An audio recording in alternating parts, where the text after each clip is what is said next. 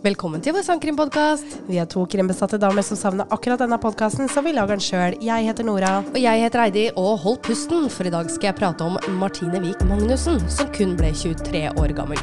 En livsglad jente som brått ble fratatt livet etter en tur på byen med venner.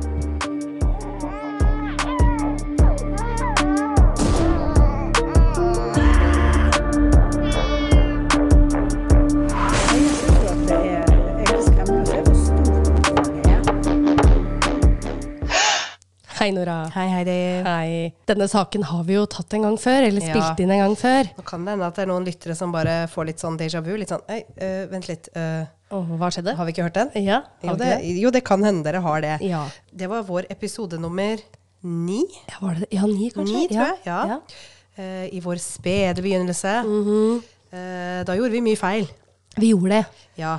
Jeg, jeg eh, Det var jeg Jo, eh, men som dreit eh, meg ut fullstendig i denne episoden. Og det blei ikke bra. Bare stol på oss. Ja. Eh, Jeg vil ikke utdype engang. Det er, jeg skjems. Ja. Jo, men vi Men fikk ble- jo ikke noe, vi noe fikk tilbake. ikke med- fått noe tilbakemelding på det, men jeg følte veldig på det. Ja. Så jeg ønska at vi skulle slette den, og det gjorde vi. Og nå har du valgt å ta den, og for å gjøre den eh, Gjøre den på en rettferdig måte. Ja, en litt verdig måte. For jeg, jeg føler at den saken her, for den er enda ikke løst. Nei. Og det syns jeg er viktig å prate om, og Det det. få saken Veldig. ordentlig ut. De fleste har sikkert hørt om den. Ja. Men når jeg sjekka manuset jeg hadde den, den gangen vi spilte inn da, Ja. eh, det var ikke bra nok. For snart to år siden. Ja. Nei, altså vi har jo lært mye på veien, Ja. og da er det jo fint å ta opp sånne, ta opp sånne saker igjen. Og én ting jeg ønsker meg, Heidi, Ja. etter hvert, Ja. er at vi gjør den første episoden Ja, på nytt. For der er det jo oppdateringer. Ja, det er og du jo- har lagt ut en oppdatering også, men nå er det virkelig oppdateringer. Ja. Har jo arrestert noen i Delphi-saken. Ja. Eh, så den kunne jeg tenke meg å ta ordentlig, skikkelig, grundig på nytt. Ja, det hadde vært gøy. Ja. Jeg kan, jeg, jeg kan godt ta den hvis du Ja. føler du er litt lei den. Ja, gjerne. Ja, og så har jo du masse kunnskap om den. Har ikke du lest en bok? Eh, så kan du på en måte være sånn veldig bidragende kommentator. Jo. Jeg leste en bok om den der. Gjorde du ikke det? Nei, jeg tror ikke det var den saken. Å nei, ok. Nei, eh, jeg, ikke jeg går helt ut. Du leser Ja, masse men- bøker. Ja, jeg gjør det. Men ikke om den, jeg vet ikke om det har kommet ut noen bøker om den. Det er jeg litt usikker okay. på. Så ikke ta meg på det. Men skal vi legge den ut da som første episode igjen, eller skal vi legge inn uh, Nei, vi trenger jo ikke det. Vi kan bare skrive f.eks. da Delphi-mordene ny versjon, f.eks. Ja, ja, ja. ja. Ja. Og så kan du ta den. Det er gøy, da. At ja. bytter på. Ikke, det blir jo ikke reprise, men det Nei. Og da kommer det jo tilleggsinformasjon, som er spennende. Hva, hva heter det? Ikke det er eh, reprise, men det er eh, Eh, det heter Og nå sitter sikkert folk hjemme og grubler. Ja, for det er jo ikke reprise, men Nei. det er en remake. Remake. Men vi kan, kan går det an å si det på norsk? En nyere utgave. Nei, Nei. så får vi bare være litt eh, international. International. Ja. Innimellom. Det, det, det, jeg kvier meg litt for det, vet Ja. du, fordi jeg syns at det er det verste jeg hører, er blanding av norsk og engelsk. Ja. Og jeg gjør det hele tida Ja, sjøl. jeg vet. Jeg er bare et menneske. Eh, men det er sånn derre folk som elsker The Julekalender. Ja. Jeg fikser det ikke. Nei. Jeg blir så sint når jeg Ja. ser på det. Jeg bare Å, det derre Å, det bare knyter seg helt i magen min. Når de blander norsk og engelsk. Øh. Jeg, jo, men jeg er helt enig, men når jeg så på det når vi var yngre Jeg, synes det, jeg var pissredd. Jeg ja. syntes det var skummelt. Å ja. Ja. nei, jeg så jo på det når det kom ut. Jeg så det i sanntid, ikke sant. Og Ja. da var det liksom litt sånn Ja. Men, men, men uh, nå Ja. kan ikke fordra det. Nei, og så hater jeg den derre 'Olav, jeg står inne mest til. Den er så fæl, den stemmen. Åh, det skjærer i øra. Så deilig å Ja. møte noen som også hater The Julekalender. Ja. For det, eh, jeg mistenker nå at eh, kommentarfeltet kanskje går litt varmt av disse som er veldig glad i det. For det er jo en tradisjon for veldig mange. Mm. Det er det.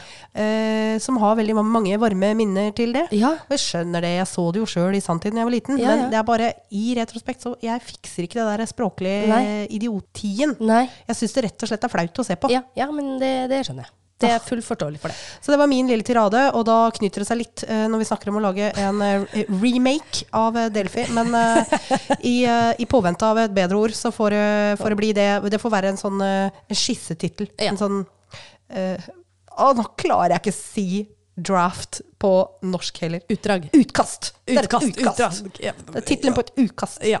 Uh, så hvis du har et bra norsk ord for remake, vennligst send det inn. Ja. Jeg også sliter med å finne research. Ja. Norskt ord på det. Undersøke. Undersøkelse. Nei, Men det, det er ikke samme følelsen Nei, det ikke det. av det ordet. Nei. Men nå må du huske det, at eh, nå, å, nå er jeg på dypt vann. Fordi dette har jeg ikke i huet. Men engelsk og norsk har et veldig forskjellig antall ord Mm. Ja. Mm. i språket. Og engelsk er veldig mye rikere enn det norsk er. Norsk er ikke et veldig gammelt språk. Nei. Nei, så vi har ikke veldig mange ord.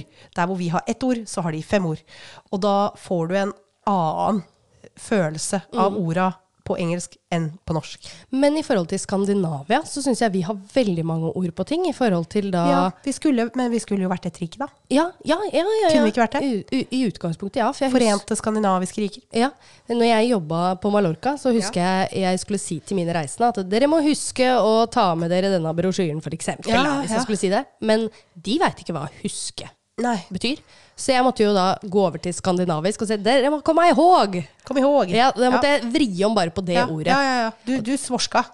svorska, ja. Ja. Helt eh, riktig. eh, s- mm, ah, hva? Ok, svorsk. Svorsk. Eh, svensk, norsk. Ja. Hva er dansk, Dansk og norsk. Eh, godt spørsmål. Donsk? Dorsk? Don- dorsk? dorsk. Dorska du? Ja, dorska. Dorska du også? Nei, for det er også veldig merkelig.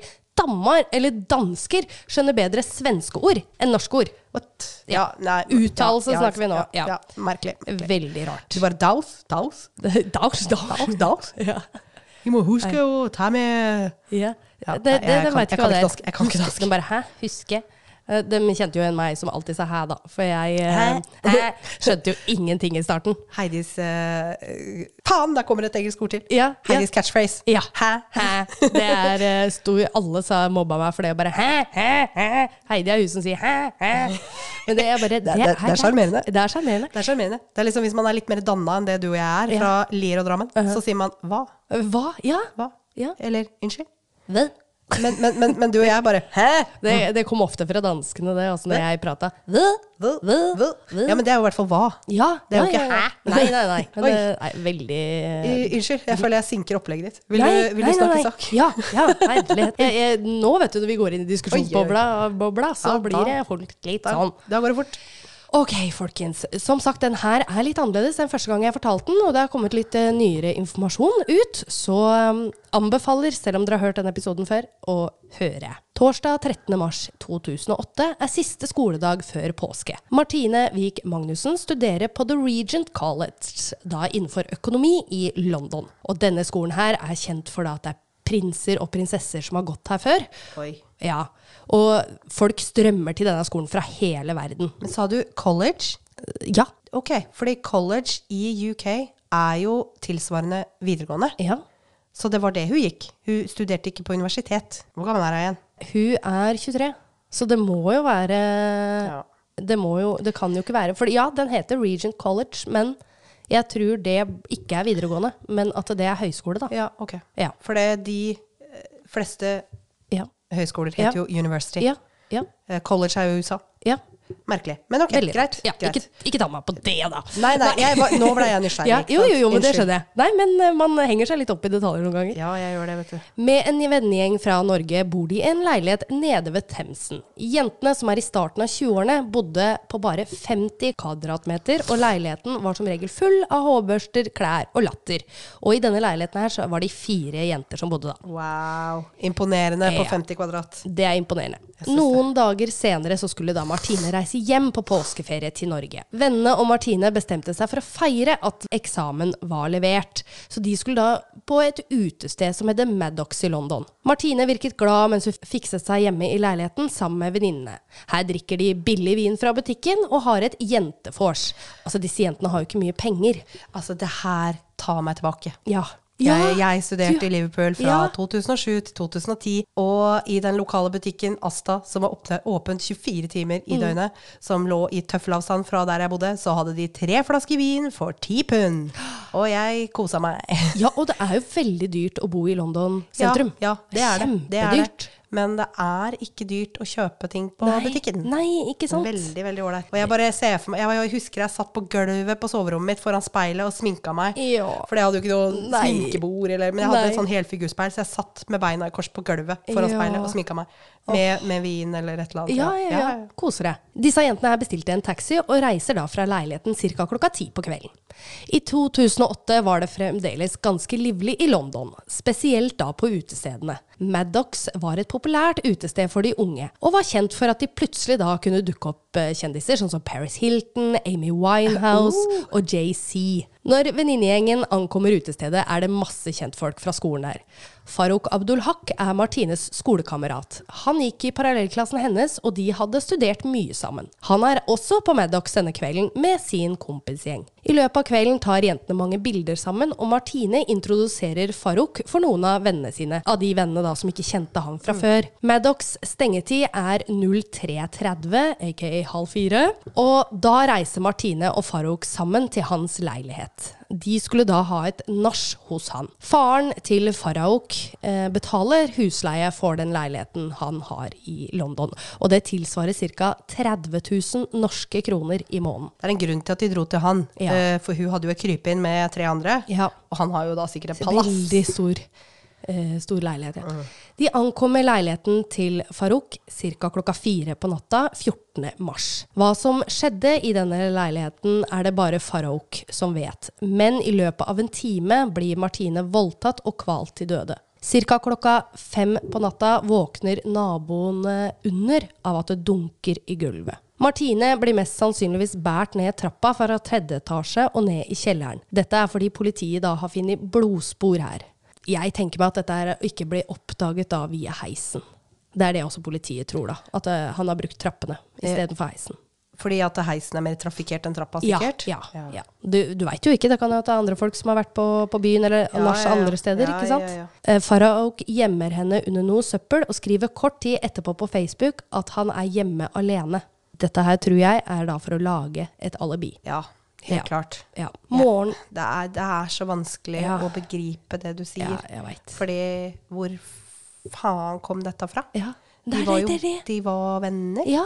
Jeg skjønner ikke. Nei. Det er så vanskelig å forstå. Ja, det er veldig vanskelig. Morgen 14. mars blir venninnene bekymret da Martine ikke har kommet hjem. Martine hadde for noen dager siden mistet telefonen sin, så de brukte Facebook som kommunikasjonsmiddel. Venninnene skriver til henne på Facebook uten svar, men de betrygger seg med at hun er hos Farouk og sover der, noe som hun har gjort utallige ganger før. Nemlig. Mm. Hva var annerledes nå? Ja, De prøver å ringe Farouk også, men de kommer da rett til telefonsvarer. På dette tidspunktet så kontakter Farouk sin onkel i London og kommer seg til Heathrow og setter seg så videre på et fly til Kairo. Venninnene blir mer bekymret og sender desperate meldinger til både Martine og Farahok på Facebook. Det blir fredag kveld, og de sender en siste desperat melding til Martine, og når de ikke får svar, ringer de politiet og melder henne savnet. Bra.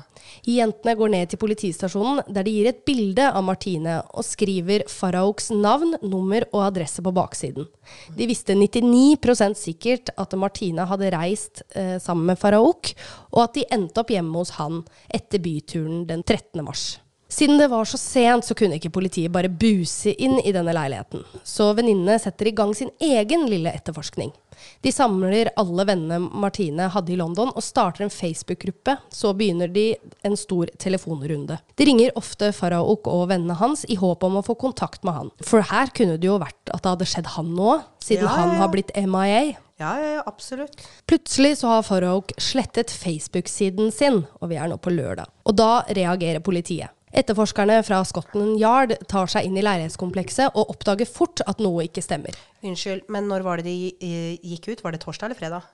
Eh, det var torsdag, Torsdag. og det, hun, Og så var dette lørdag, hvor han sletta. ja, Okay. ja, ja. Det, det ble på en måte fredag hun ble drept, men ja. Det er torsdag kveld de reiste ut, men det gikk ikke bikka over skjønner. til fredag. Ja. Etterforskerne fra Scotland Yardia tar seg inn i leilighetskomplekset og oppdager fort at noe ikke stemmer. Det er tegn til at Martine har vært der, og at det har vært en kamp inne i leiligheten. En av venninnene til Martine i London, som heter Tale, ringer hjem til familien til Martine og sier at Martine er savnet. Hun forteller også om alt de har gjort for å prøve å finne henne. Ja. Familien da setter seg på første fly til London. Venninnene reiser igjen ned på politistasjonen for å fortelle om sin egen lille etterforskning. Og en samtale der er meget interessant. En av kompisene til Farahok fortalte at Farahok hadde vekket han tidlig fredag morgen. Han hadde ikke sagt noe, men satt seg ned et par minutter før han hadde reist seg og gått igjen. Han virket da oppskaket. Søndag finner politiet en død person i kjelleren. I kjelleren så var det da en dør med en sånn svær hengelås på, og det var der inne de hadde funnet Låst inne. ja. Politiet hadde stor grunn til å tro at dette var Martine. På politistasjonen får både familien og venner beskjed at det er Martine de har funnet. Familien til Martine hadde akkurat da ankommet London, da politiet hadde funnet henne. Martines foreldre måtte også gå de vanskelige skrittene inn i rommet hvor datteren lå død på en båre, for da å identifisere henne. De fikk vite at hun hadde skade på hals og ansiktet i form av kutt, noe som kan tyde på at det var forsvarsskader. Et lite utsagn da fra far, som heter Odd Petter, var at hun så veldig fredfull og pen ut. Det var vanskelig å forlate rommet og aldri skulle få se henne mer. Han ga datteren et siste forsiktig klapp på skinnet. Martine ble født 6.2.1985 og vokste opp på Nesøya rett utenfor Oslo. Her bodde hun hele livet sitt, utenom det siste året hun da valgte å studere i London. Hun var en sosial jente og elsket å bli kjent med nye mennesker, og pga. dette var det også mange som feilstemplet henne som å være en partyjente etter at denne saken da kom ut. Hun var tvers igjennom god og tok vare på alle. Martine var veldig pen og populær blant gutta. Hun hadde mange guttevenner, som igjen mange kunne tolke feil fra utsiden. Men hun var veldig tydelig på å sette grenser, og friendzonet gjerne gutter fra starten av. Foreldrene til Martine skilte seg i 1999, og i starten snakket de ikke så veldig godt sammen. De delte jo opp jula og sånn da, barna skulle ha annenhver jul da til far og mor. Men Martine tok dette veldig tungt av at en av foreldrene da skulle sitte aleine på julaften, så hun insisterte på at de skulle feire sammen. Ifølge moren, som da heter Kristin Wiik, så er det takket være Martine at familien ble brakt sammen igjen. Farouk Abdulhak er født 1987 og vokste opp i Egypt. Faren var fra Jemen, og moren hans var amerikansk. I august 2007 begynte han på samme skole som Martine i London. De to ble raskt gode venner, og Martine introduserte han for hennes venner. Ingen fikk noe annet inntrykk av han enn at han var litt sjenert, men en hyggelig gutt. Kan det være her at Martine følte litt synd på han og ville ta han med inn i varmen? Ifølge venner så hadde de to samme humor, men de var kun venner. Farouk hadde ikke et tett bånd til sine foreldre, i hvert fall da ikke faren. Ifølge han så var han lite til stede da under oppveksten. Eh, unnskyld, Farouk, han var vokst opp i Egypt? Han var vokst opp i august. I, herregud, august? Egypt! Takk. Vær så god. Ja. Han var vokst opp i Egypt Ja. eh, med moren Med og faren. moren. Ja. Nei, bare mor. Bare mor, For det- fordi far var fraværende. Ja. Men han er jo da oppdratt av en amerikaner, så han føler seg jo sikkert mer vestlig enn han kanskje, Ja. Kanskje ser ut som, eller høres ut som med det navnet. Ja, i Den dokumentaren jeg så, så var det også et tidspunkt hvor hun flytta med ungene til USA. Og bodde der i et halvannet år. Ja. Og faren ble ikke sett der engang. Nei. Så han var litt mer opptatt av business-sida, mens hun var veldig den familiekjære som Ja. jeg har fått inntrykk av. da. Ja. Ja. Kunne dette vært noe han åpnet seg opp øh, for for Martine? At han, dette var noe dem bonda litt over? da? At hun Det- var veldig omsorgsfull. ha- ja, eller det å ha litt sånn eh, foreldre som er skilt. Ja, Nå vet jeg ikke om foreldrene ja. hans var skilt, eller om Nei. han bare var veldig fraværende, han faren. Ja. Men det, det er klart det kan jo være noe de har hatt til felles, da. Ja, det kan faktisk det. Kanskje hun følte at hun kunne hjelpe, siden hun var jo en omsorgsperson. Ja. Farouk hadde prøvd å kysse Martine noen måneder før hun døde, men hun hadde blankt avvist han og sagt at de bare var venner. Mordet på den norske studenten får enorm medieomtale, og store ressurser blir tatt i bruk for å finne Martines morder. På det meste er det rundt 100 tjenestemenn på saken. Etter tekniske spor og avhøret har blitt gjennomført, står de bare igjen med én hovedmistenkt, som er Farouk Abdulhak. Naturligvis. Hun Ja. er funnet i leiligheten, eller i kjelleren på leiligheten hans. Ja. Sist observert sammen, Sammen med, han. han. Og det er jo eh, videoovervåkning av dem går fra Maddox. Så Jeg det føler det ikke er noe spørsmål. Nei. Faren til Martine, Odd Petter Magnussen, føler seg forpliktet til å ivareta Martines interesser, og kjemper en kamp til og med den dag i dag for å få rettferdighet for sin datter. Takket være familie og venner av Martine klarer de å få media til å se den virkelige Martine, som er da en toppstudent som brydde seg om andre mennesker. I april 2008, seks uker etter drapet, blir Martine bisatt. Det tøffeste for Odd Petter var å se hans gjen... Det tøffeste for Odd Petter var å se hans gjenværende barn kaste jord over urna til Martine. Åh, shit. Åh, det er så tragisk. Det er det, altså. Farouk befinner seg i Yemen på en av farens, fars mange eiendommer. Dagen han rømte fra London, befant Shaher seg i Bergen. Faren Shaher er faren. Ja, Shaher er far. Og han eh, er jo ute på business trips over hele verden, og akkurat denne dagen, litt ironisk, var han i Bergen. Jøss. Faren reiste så direkte derfra til Kairo. Det spekuleres så i om de møttes i Kairo og tok privatflyet til faren da videre til Jemen. Hovedstaden i Jemen er gammel, og det bor rundt to millioner mennesker der. Og faren var fra Jemen. Faren var fra Jemen. Ja, ok. Så Ja. det er hjemlandet til far. Far. Jemen regnes som en av verdens fattigste land, men noen mektige og rike familier er det der. Familiens overhode Shaher Abdulhak eier Jemens mobiltelefonselskap, som da heter MTM. Han importerer Mercedes til Midtøsten og driver stort innen mineralvann da Coca-Cola, og olje. Det sies at Jemen er et form for base for Al Qaida, og at det er en avlsplass for terrorister. Når etterforskningene er over, så sitter politiet igjen med nok bevis til å varetektsfengsle Farahok og stille ham for retten. Eh, Det var DNA-spor av han yeah. over alt på Martine. Yeah. Det britiske politiet etterlyser nå Farahok over hele verden. Utenriksministeren i Jemen vet hvor Farahok er, og det er i Jemen. Siden det ikke er utleveringsavtale mellom Jemen og Storbritannia, er det opp til den norske og britiske regjeringen å få den drapstiltalte brakt inn for retten i London. Hvordan skal man gjøre det uten utleveringsavtale? Nei. Da må han jo komme frivillig. Ja, nettopp. Den britiske ambassaden i Jemen engasjerer seg umiddelbart og besøker Jemens utenriksminister. Ambassaden truer med å trekke tilbake bistand til de fattige i Jemen hvis Farouk ikke blir utlevert. Bra. Men Jemen svarer med at det vil være grunnlovsstridig, så saken stopper opp, og Farouk lever fritt i hjemmet sitt der nede. Gjorde de alvor av de truslene? Det tror jeg ikke. Norges utenriksminister mener de har gjort alt de kan for å få Farahok utlevert. Og jeg skal bare nevne det. Det er Støre. Ja. Mm. Ok. Norge har den holdningen til at der drapet skjer, er det landet som har ansvaret for å få vedkommende utlevert og stilt for retten der. Som i dette tilfellet er Storbritannia. Jo, ja. Jeg, høres det litt slapt ut? Eh, Jeg syns det. De kunne, jeg føler de kunne gjort mer, eller i hvert fall De kunne gjort noe. innflyt- Det virker ikke som de har gjort noen ting. Nei. Hvorfor kan vi ikke gjøre sånn som vi har gjort med Russland her, da? Stoppe import og salg til Jemen. Et sted vi veit det svir for dem, er penger. Handler vi mye med Jemen? Han driver jo stort, da, han Shaher her. Ja. Både innen Mercedes, Coca-Cola Jeg veit Coca-Cola ble boikotta en periode. Jeg bare tenker at hvis han driver med Cola og Mercedes, så er vel det for markedet der, for Midtøsten-markedet. Eh, ja, men det er over hele verden. Ok.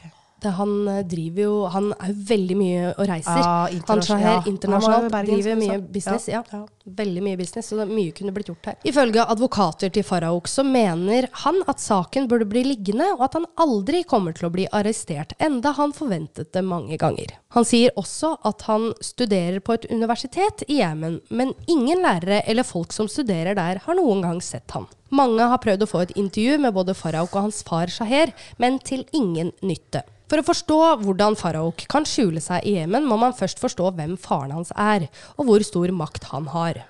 Abdul-Haq-familien er en av Jemens mest hemmelighetsfulle og mektigste. Veldig få vet noe om denne familien. Shaher ble født i Thais i 1938 og utdannet seg der. Eh, Så flyttet han til Aden for å åpne et hotell, og så til Sana. Han var en del av en gruppe forretningsmenn som besøkte Egypt og gjorde et enormt inntrykk på folk fordi han hadde sitt eget visittkort. Shaher begynte sin karriere innen hotellavdelingen, og bygde så sitt eget hotell midt i Sana. Senere begynte han å importere sukker, noe som gjorde at han ble kalt for sukkerkongen. Hovedimportør da fra, av sukker. Så kommer Coca-Cola, Mercedes, telefonselskaper og oljernæringen inn på banen. Han høres ut som en veldig driftig type, Veldig. men han høres jo ikke kriminell ut. Nei. Men du må kanskje være litt grann halvkrimmis for å komme så høyt ja, i kanskje et litt korrupt system. Jeg Ja, det er veldig korrupt der nede. Så, Ikke sant? Ja. Så han er kanskje litt sketchy. Jeg vet ikke. Ja, jeg vet ikke. Han, han har stor innflytelse i hvert fall Ja. på folk. Han stiftet Jemens første bank, som gjorde at han hadde stor virksomhet over hele Midtøsten. Sier litt da om hvor mye penger han hadde. Ja, det er sant. Mm. Han er overhode for hele Abdul-Haq-familien og tok alle beslutninger. Selv med alle privatfly og palasser som han eide, drev han også med veldedighet. Han hjalp vennene sine ved å betale for sønnenes utdanning og medisiner. Kort tid etter drapet fikk Farouk statsborgerskap i Jemen, noe han ikke hadde før. Nei. Dette ble en hasteoperasjon som mest sannsynligvis er utført av farens innvirkning. For han hadde også veldig godt vennskap til presidenten i landet. Det her er en far som prøver å beskytte sønnen sin, dessverre. Jeg, det jeg syns er veldig, veldig sjukt, og det gjelder for så vidt ikke bare Jemen her, men eh, det er jo andre land òg. Jeg kan ikke ramse opp land nå, for jeg har ikke peiling. Men jeg syns det er ganske sjukt at du kan fraskrive deg all form for kriminelle handlinger ved å krysse en grense. Enig. Ja. Det, det burde vært noen nye regler der, altså. Ja, Faktisk. Vi er en globalisert verden nå. Ja, ja. Det er veldig lett å ta seg hit og dit, Ja. bare du har et pass. Og det, hvis du stikker med en gang du har gjort noe, så er det jo ikke noe problem, ikke Nei, sant? det er ikke det. Shaher hadde også to familier. Og dette her er veldig vanlig i Jemen. Og det er jo selvfølgelig derfor han var så fraværende. Ja. Han hadde jo familie da nummer én, som da jeg vet, ikke, jeg vet ikke helt om jeg skal si religiøst, det er eh, ekteskap, men i hvert fall et tradisjonelt jemittisk eh, ekteskap, da. Ok. Ja. Eh, mens da familie nummer to viser seg da offentlig, og de er ute på businessreiser og sånt, og litt sånn utad familie. Oi. Ja. Glansbildefamilie og en privatfamilie. ja. Og dette var det Farouk-familien var den da familie nummer to. Ja. Oh, ja. Ja. Jeg- Det, vet du, det ville jeg ikke trodd. Nei. Jeg ville trodd at hvis du øh, er med en som ikke er uh, Altså, må ikke ta meg for at dere tror jeg har sånne meninger, for det har jeg ikke, men jeg ville trodd at et øh, land som Jemen, som jeg ser på som kanskje å være litt mindre utvikla Ja. enn vestlige land, Ja. øh, så ville jeg trodd at det var viktig å, ha, å gifte seg innafor. Ja. At du liksom gifter deg med en landsmann. ja. Eh, men det var amerikaneren som var glansbildet her også. Det, det var det. Men det er sikkert viktigere i internasjonal sammenheng Ja. for å vise at han er vestlig og progressiv. Yes. Det er akkurat som du sier. Ja. Høsten 2008 får Odd Petter da far tilbud av paramilitære miljøet om å løse Martine-saken ved å hente Faraok med makt. Både da fra Irland og England. Og penger var da ikke noe problem. Men Odd Petter har avvist alle tilbud. For han er det viktig at det her skal bli gjort ordentlig. Og han er eh, standhaftig. Ja. Det er Flott eh, fyr, altså. Ja, virkelig. Det, jeg kunne kanskje vært svak der. Ja. Det, det er veldig, veldig tøft. ja. Det, det her er barnet ditt. Det Ja. er, eh, men all creds til Odd Petter, altså. Ja. Jemen vil ikke utlevere Faraok til Storbritannia, men de vil gjerne føre saken for domstolen i Sana. Blir han funnet skyldig her, får han dødsstraff, eller hvis Martines familie ikke vil ha dødsstraff, så får han fengsel og da eventuelt en bot. Det er kjent at domstolen i Jemen er svak og uselvstendig, og menneskerettighetsadvokatene i Jemen mener det er mye korrupsjon, og bestikkelser er godt mottatt. ja. Og da har vi jo eh, far, da, som kommer på banen og Mm. Yes. kjøper eh, alle, og så får sønnen gå fri. Så det er liksom, hvis du begynner der, Ja. og han da blir frikjent, så er det vel på en måte kjørt. Ja. Da kan du vel ikke stille han for domstol et annet sted? Nei, nei, mest sannsynligvis ikke. Og så tenker jeg det at eh, du kan jo betale etterforskerne eller politibetjentene Ja, ja. også, så bare nei, det er ikke noe bevis.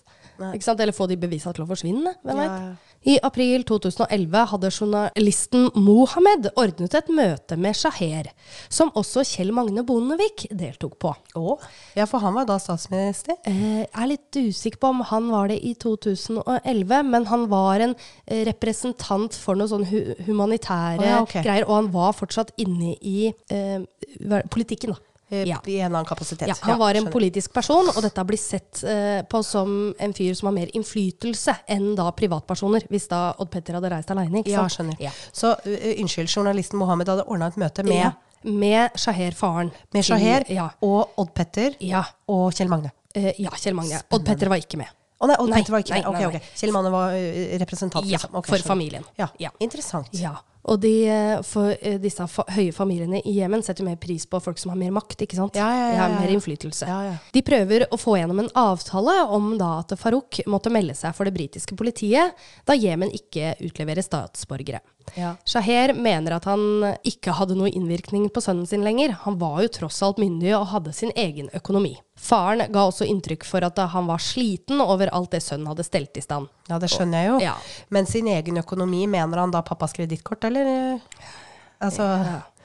Ja. Han, ja. Ja. Det, det kommer fram litt seinere her at eh, han får jo fortsatt økonomisk støtte fra faren sin. Selvfølgelig.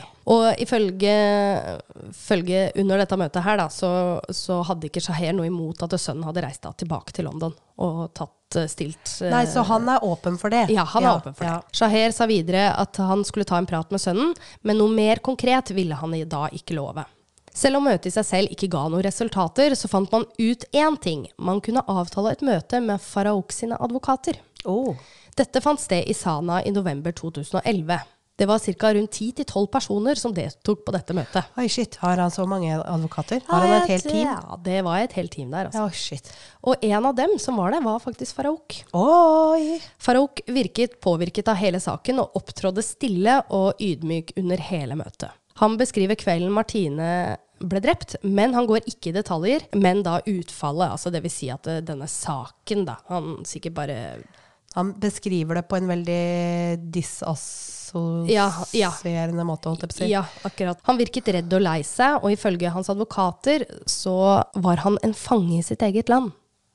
Men, men, men altså, det er han jo. Ja, han er det. Men det har han jo stelt i stand sjøl. Ja. Han studerte i London. Han øh, virker å ønske å være, eller føle seg mer vestlig. Ja. Og nå er han stuck i Jemen. Ja. Og det har han fiksa sjøl. Så han ødela ikke bare på en måte Martine sitt liv og hele familien hennes. Nei. Han fucka opp for seg sjøl. ja. Og sin familie, for så vidt. Og sin sin familie. Ja. Men jeg også lurer, hva er det han er opprørt over? Er det det at han er fange i sitt eget land, eller at han drepte Martine? Eh, Ja takk, begge deler. Ja. Tenker jeg. Ja.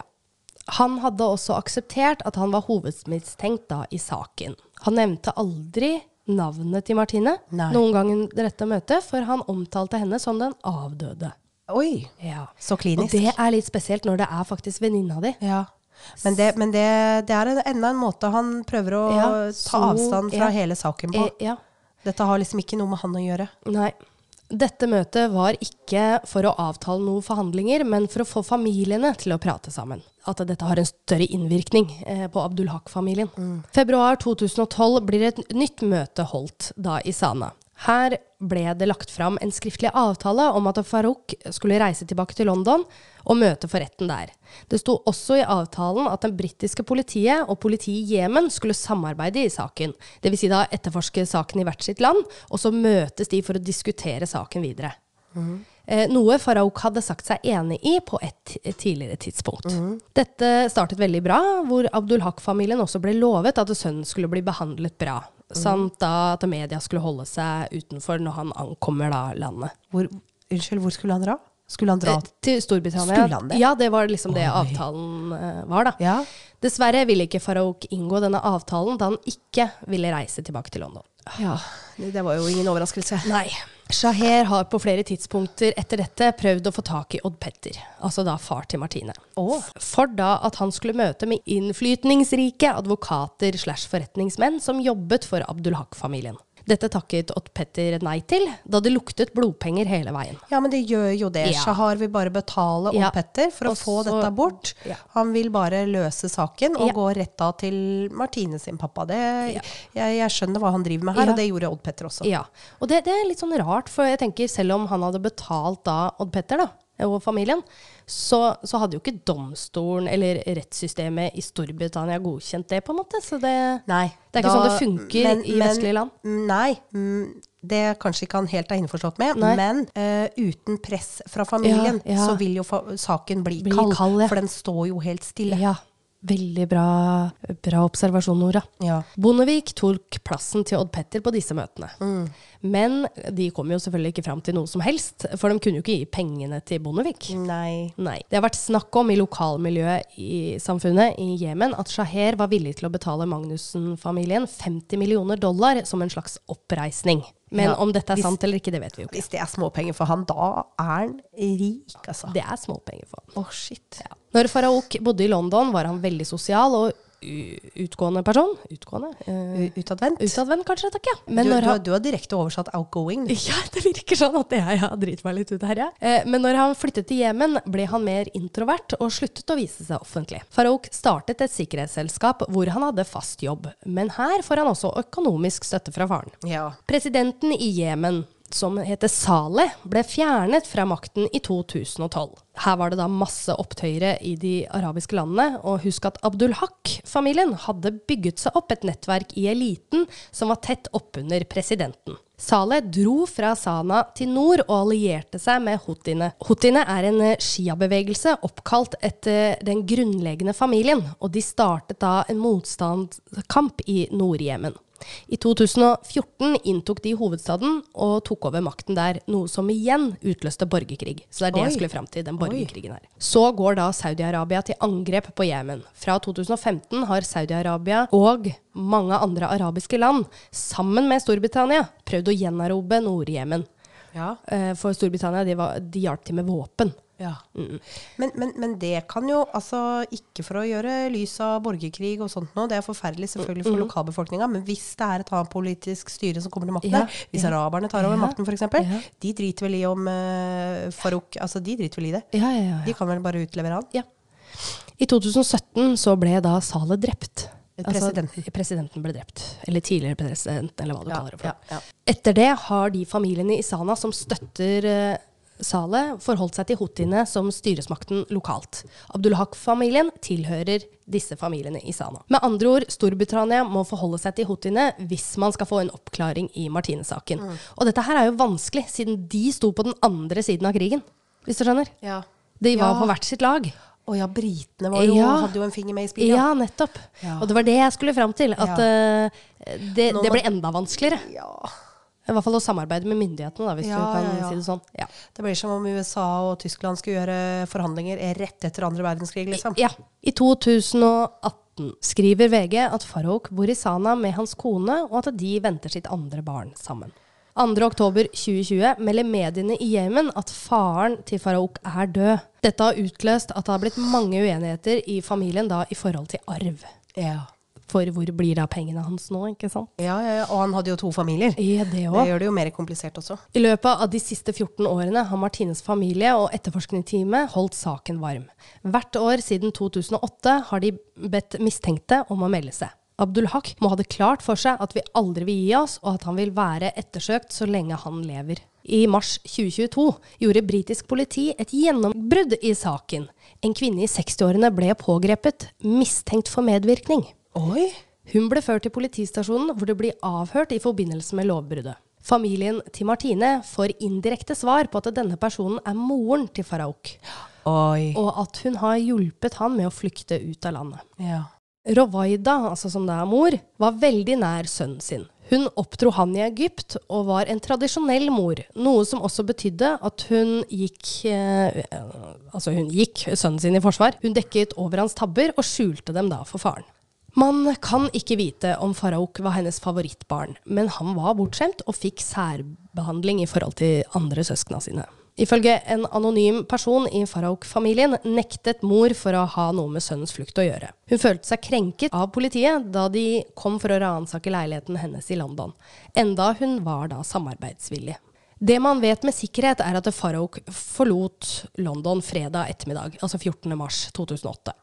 Han tar så et rutefly som går direkte til Kairo, og der eh, dukker han opp i familiehjemmet der nede. Og der skal faren, moren og broren til Farouk ha vært, hvor noen må ha tatt beslutningen om at Farouk skulle videre da, til Jemen. Ja. Ifølge en venn av Shaher, eh, som da er far, så ville Shaher at sønnen skulle ta konsekvensene for sine handlinger. Bra. Han ville at sønnen skulle reise tilbake til Storbritannia, og ikke til Jemen. Han, han, er, altså, han er en sånn eh, brisk forretningsmann, eh, muligens noe korrupt og kjøper seg ut av alle kniper, Ja. men eh, han er sikkert eh, ganske sånn rett fram i at eh, har, du, har du gjort det her, så får du tåle konsekvensene, Ja. liksom. Vær litt mann. Yes. For det er jo ikke Hvis han er sånn veldig sånn tradisjonell macho-type, så er det jo ikke veldig mandig å rømme Ja, fra problemene nei, sine. Nei. Nei, det òg. Og han tenker jo at dette her kan jo gå utover businessen hans òg. Ja. Han visste jo kanskje ikke på den tida at det her skulle få så enorm medieomtale som det det fikk, da. Nei, for da kanskje han bare hadde satt sønnen sin på et fly. Ja. Men her var det da mor som hvisket sønnen i øret. Ja. At eh, nei, vi, vi gjør ikke det her. Vi skal beskytte deg for alt det er verdt. Mange mener fortsatt at Shaher, tok, eh, altså far, tok beslutningen da han satt med så mye makt og alle pengene. Men Ja. dette er da kun spekulasjoner. Ja. Dessverre tok det ikke lang tid før kvinnen ble løslatt fra varetekt. Og politiet kan ikke gå nærmere inn på saken, da det er en pågående etterforskning. Ja. Ja, jeg kan se for meg det at uh, han ville at uh, Farouk skulle dra tilbake. Men så kan jeg også se for meg at når det ble bestemt at han ikke skulle det, så gjorde han det som måtte til for at han ikke skulle Ja. dra tilbake. Ikke sant? Han bare ok, da ble det sånn. Da ordner vi sånn her. Sett deg på det privatflyet. Jeg har ordna til deg der. Du kan bo der. Her er penger. Ikke sant? Ja, ja, ja. Og selv om far da hadde nekta all Så har han jo ikke gjort det heller, det ser vi jo. For han fikk jo økonomisk støtte Ja. av far. Han ga jo dette til sønnen sin penger og alt mulig sånn. Så enten her så er det mor som har hatt veldig god innflytelse på far, Ja. og sagt at sånn blir det, ferdig med det. Ja. Eller så må det ha vært hans sin idé fra starten av. Faren. Ja. Tenker jeg. Ja. Moren til Martine har skrevet et brev til Faraoks mor. ja. Og hun, eh, hun sier da at det er brev mor til mor. Og hun tenker at hun kan sette litt ord og følelse på hvordan det er å være forelder til et barn som har blitt eh, brått revet fra dem. Og hvordan de har levd med en sak som ikke har blitt løst. løst. Huh, jeg har oversatt dette brevet til norsk, så bare gjør klar for å grine litt. Det gjorde i hvert fall jeg. Jeg er Martine Wiik Magnussens mor. Og du som mor kan nok eh, tenke deg hvor sjokkerende grusomt og vondt det er å få beskjed om at ens datter har blitt funnet i en kjeller, voldtatt og drept, gjemt bak søppel. I 14 svært vanskelige år har Martines søster, bror, far og jeg slitt med å gå videre i livet. Kan du tenke deg lidelsen vi har opplevd? Vi sørger fremdeles over tapet på vår kjære Martine. Den sorgen vil vi bære med oss resten av livet. Tomrommet etter henne fremkaller minner hele tiden. Gud! Kom igjen du. You got this. I got this. Øh, Målet mitt er ikke hevn. Jeg vil ha rettferdighet for Martine. Sønnen din er en ung mann som må leve i skjul i Jemen. Hvis han håper at vi vil glemme med årene, slik at han kan vende tilbake til et mer sivilisert liv, tar dere begge feil. Denne saken vil aldri bli glemt. Den vil aldri forsvinne. Jeg håper du prøver så langt du kan å få sønnen din til å omsider bli en redelig og respektert mann ved å gjøre det vi alle vet er rett. Vi er begge kvinner i slutten av 60-årene. La oss ikke gå i graven uten at dette blir ordnet opp i. Det var veldig, veldig bra sagt. Det var veldig bra sagt. Og som hun sa sjøl også, at eh, hun vil på en måte holde seg saklig, og, Ja. og, men prøve å spille litt også på samvittigheten Ja. som en mor, da. Ja. Mammaen til Martine har også hatt en videosamtale med en anonym kilde i familien. Jaha. Her blir det sagt at Farouk lever i en slags fengsel i Jemen, eh, altså på en av fars eiendommer. Og Ja, ja, ja. Den, den er mura inn, det er to vakter utenfor toppen, han går så vidt ut, han lever kun ved Men- datamaskinen sin. Og. Altså, tror han at det britiske fengsler er verre enn det? Nei, det er det jeg tenker òg! Du er allerede i et fengsel, hvorfor ikke reise til Fordi Storbritannia? han har kona si og barna sine der. Ja, ikke sant? Jo, jo. Og det må han jo da gi slipp på. Ja, men de har jo ikke noe, det er jo fortsatt krig der nede i Jemen, Ja. så han kan jo ikke gå utenfor døra heller. Nei, det hadde Så- vært bedre å være i fengsel i Storbritannia. Det hadde det. Han kommer nok aldri til å reise frivillig tilbake til Storbritannia, fordi han er redd for hvor faren sine penger blir av hvis han reiser, dvs. Si eiendommene. For da tar sikkert myndighetene over det, eller Ja, eller andre eh, arvinger, ikke sant? Ja, det òg. Ja. Og husk at det fortsatt da er krig i landet her. Ja. Politiet etterforsker fortsatt kvinnen som ble arrestert i mars. Men de har ennå ikke tatt ut noen ny siktelse mot henne. Hvis man vil følge med saken videre, så kan man gå inn da på justiceformartine.com. ja. Ja. Den uh, sida var vi innom sist også. En Ja. Veldig, veldig fin side. Besøk den. Den er veldig fin. Der, og jeg følger dem også på Facebook, og der kommer det oppdateringer innimellom. Ja. Så veldig fint. Det har jo kommet en ny dokumentar som jeg har brukt da som videre research på den saken her, som gikk på da Discovery. Veldig Ja. flott. Og det var jo i starten her så var det Odd Petter som via livet sitt da til denne saken. Og så tok da mor Kristin over barna, for hun klarte på en måte ikke Hun måtte få det litt på avstand, da.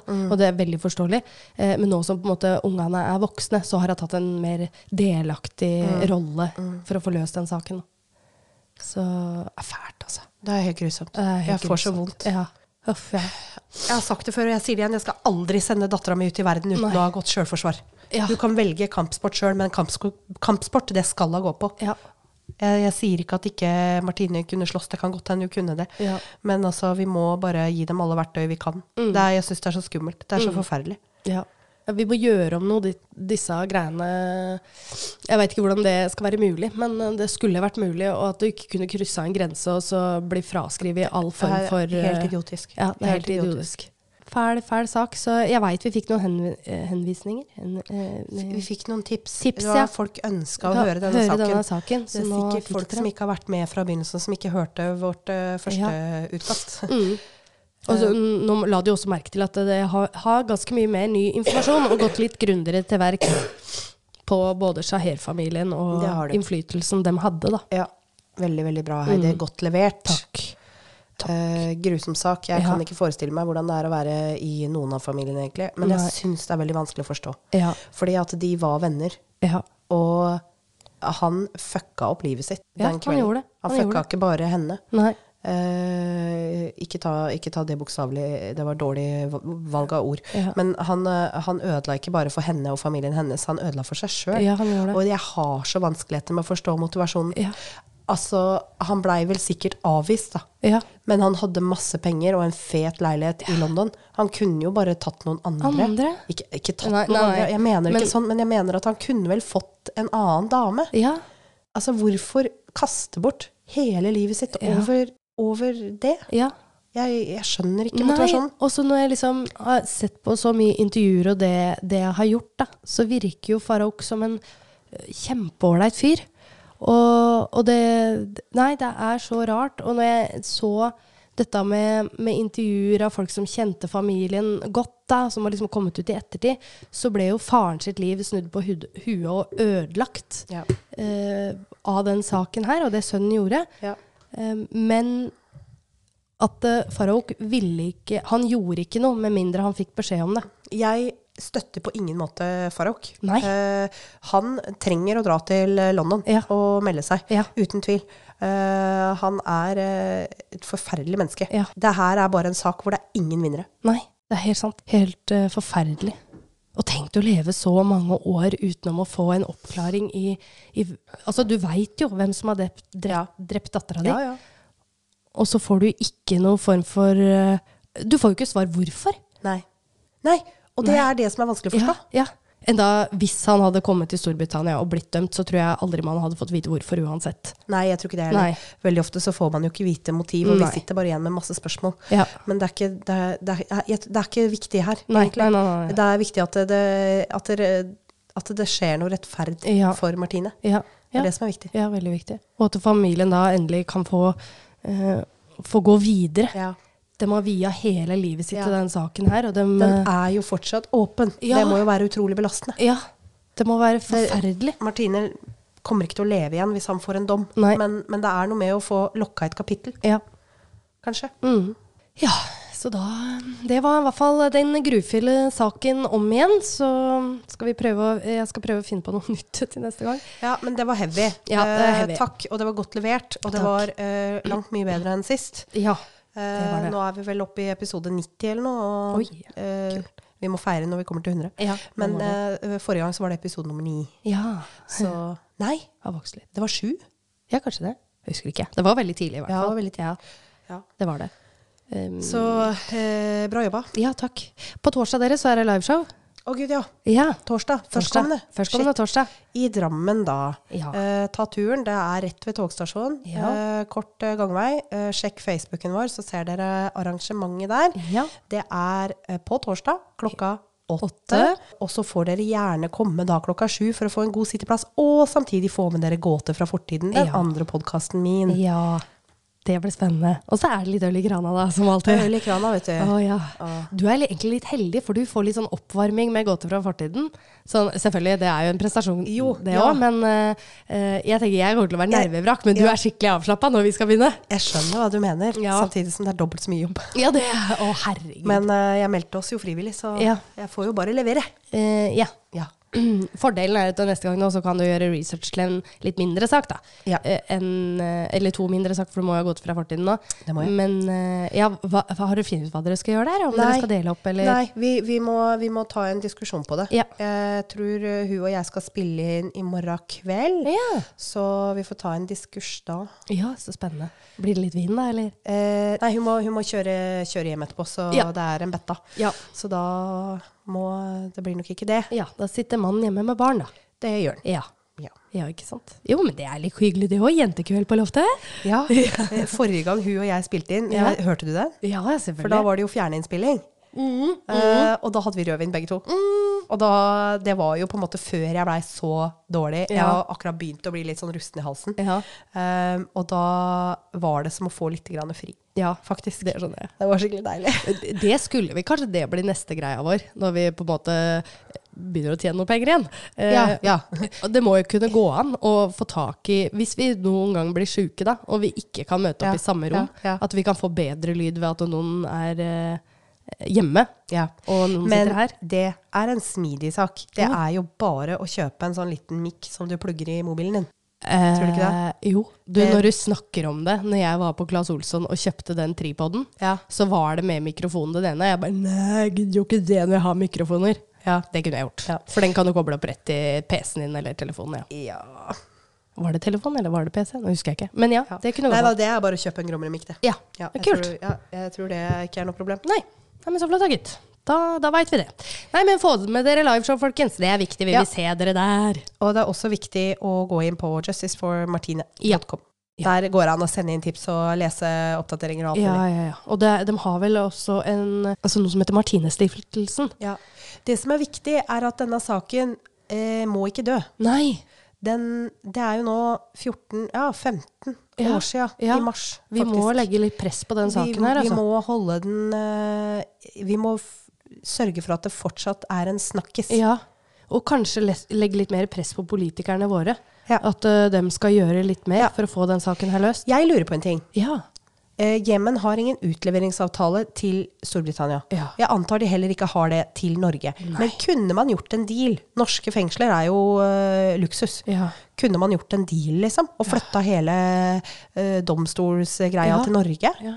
Eller eh, blir det feil juridisk? Men Har man ikke noen sånn internasjonal domstol da? Jo, i Haag. Ja. Hvor er det? Sveits? Uh, ja, er det Ja, det? jeg tror det. Sveits? Ja. Eller, ja, for det var vel noe sånt noe i forhold til krigsforbrytere og sånn under andre ja. verdenskrig. Øh, ikke, ja, har ikke peiling. Uh, men ja.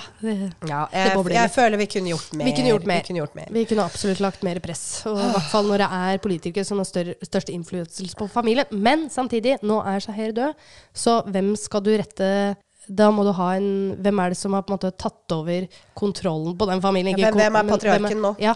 Ja. Hvem er overhodet? ja, kanskje Farouk, da. Nei, det vil jeg ikke tro. Jeg vil jeg ikke tro. Nei. Ikke når han sitter inne i huset sitt. Nei. Nei, eh, Heidi, Ja. godt levert. Jo, takk for det. Uh, takk for i dag. Takk for i dag. Så ses vi på torsdag, dere. Vi ses på I levende livet. Yes. Yes. Ha det. Ha det.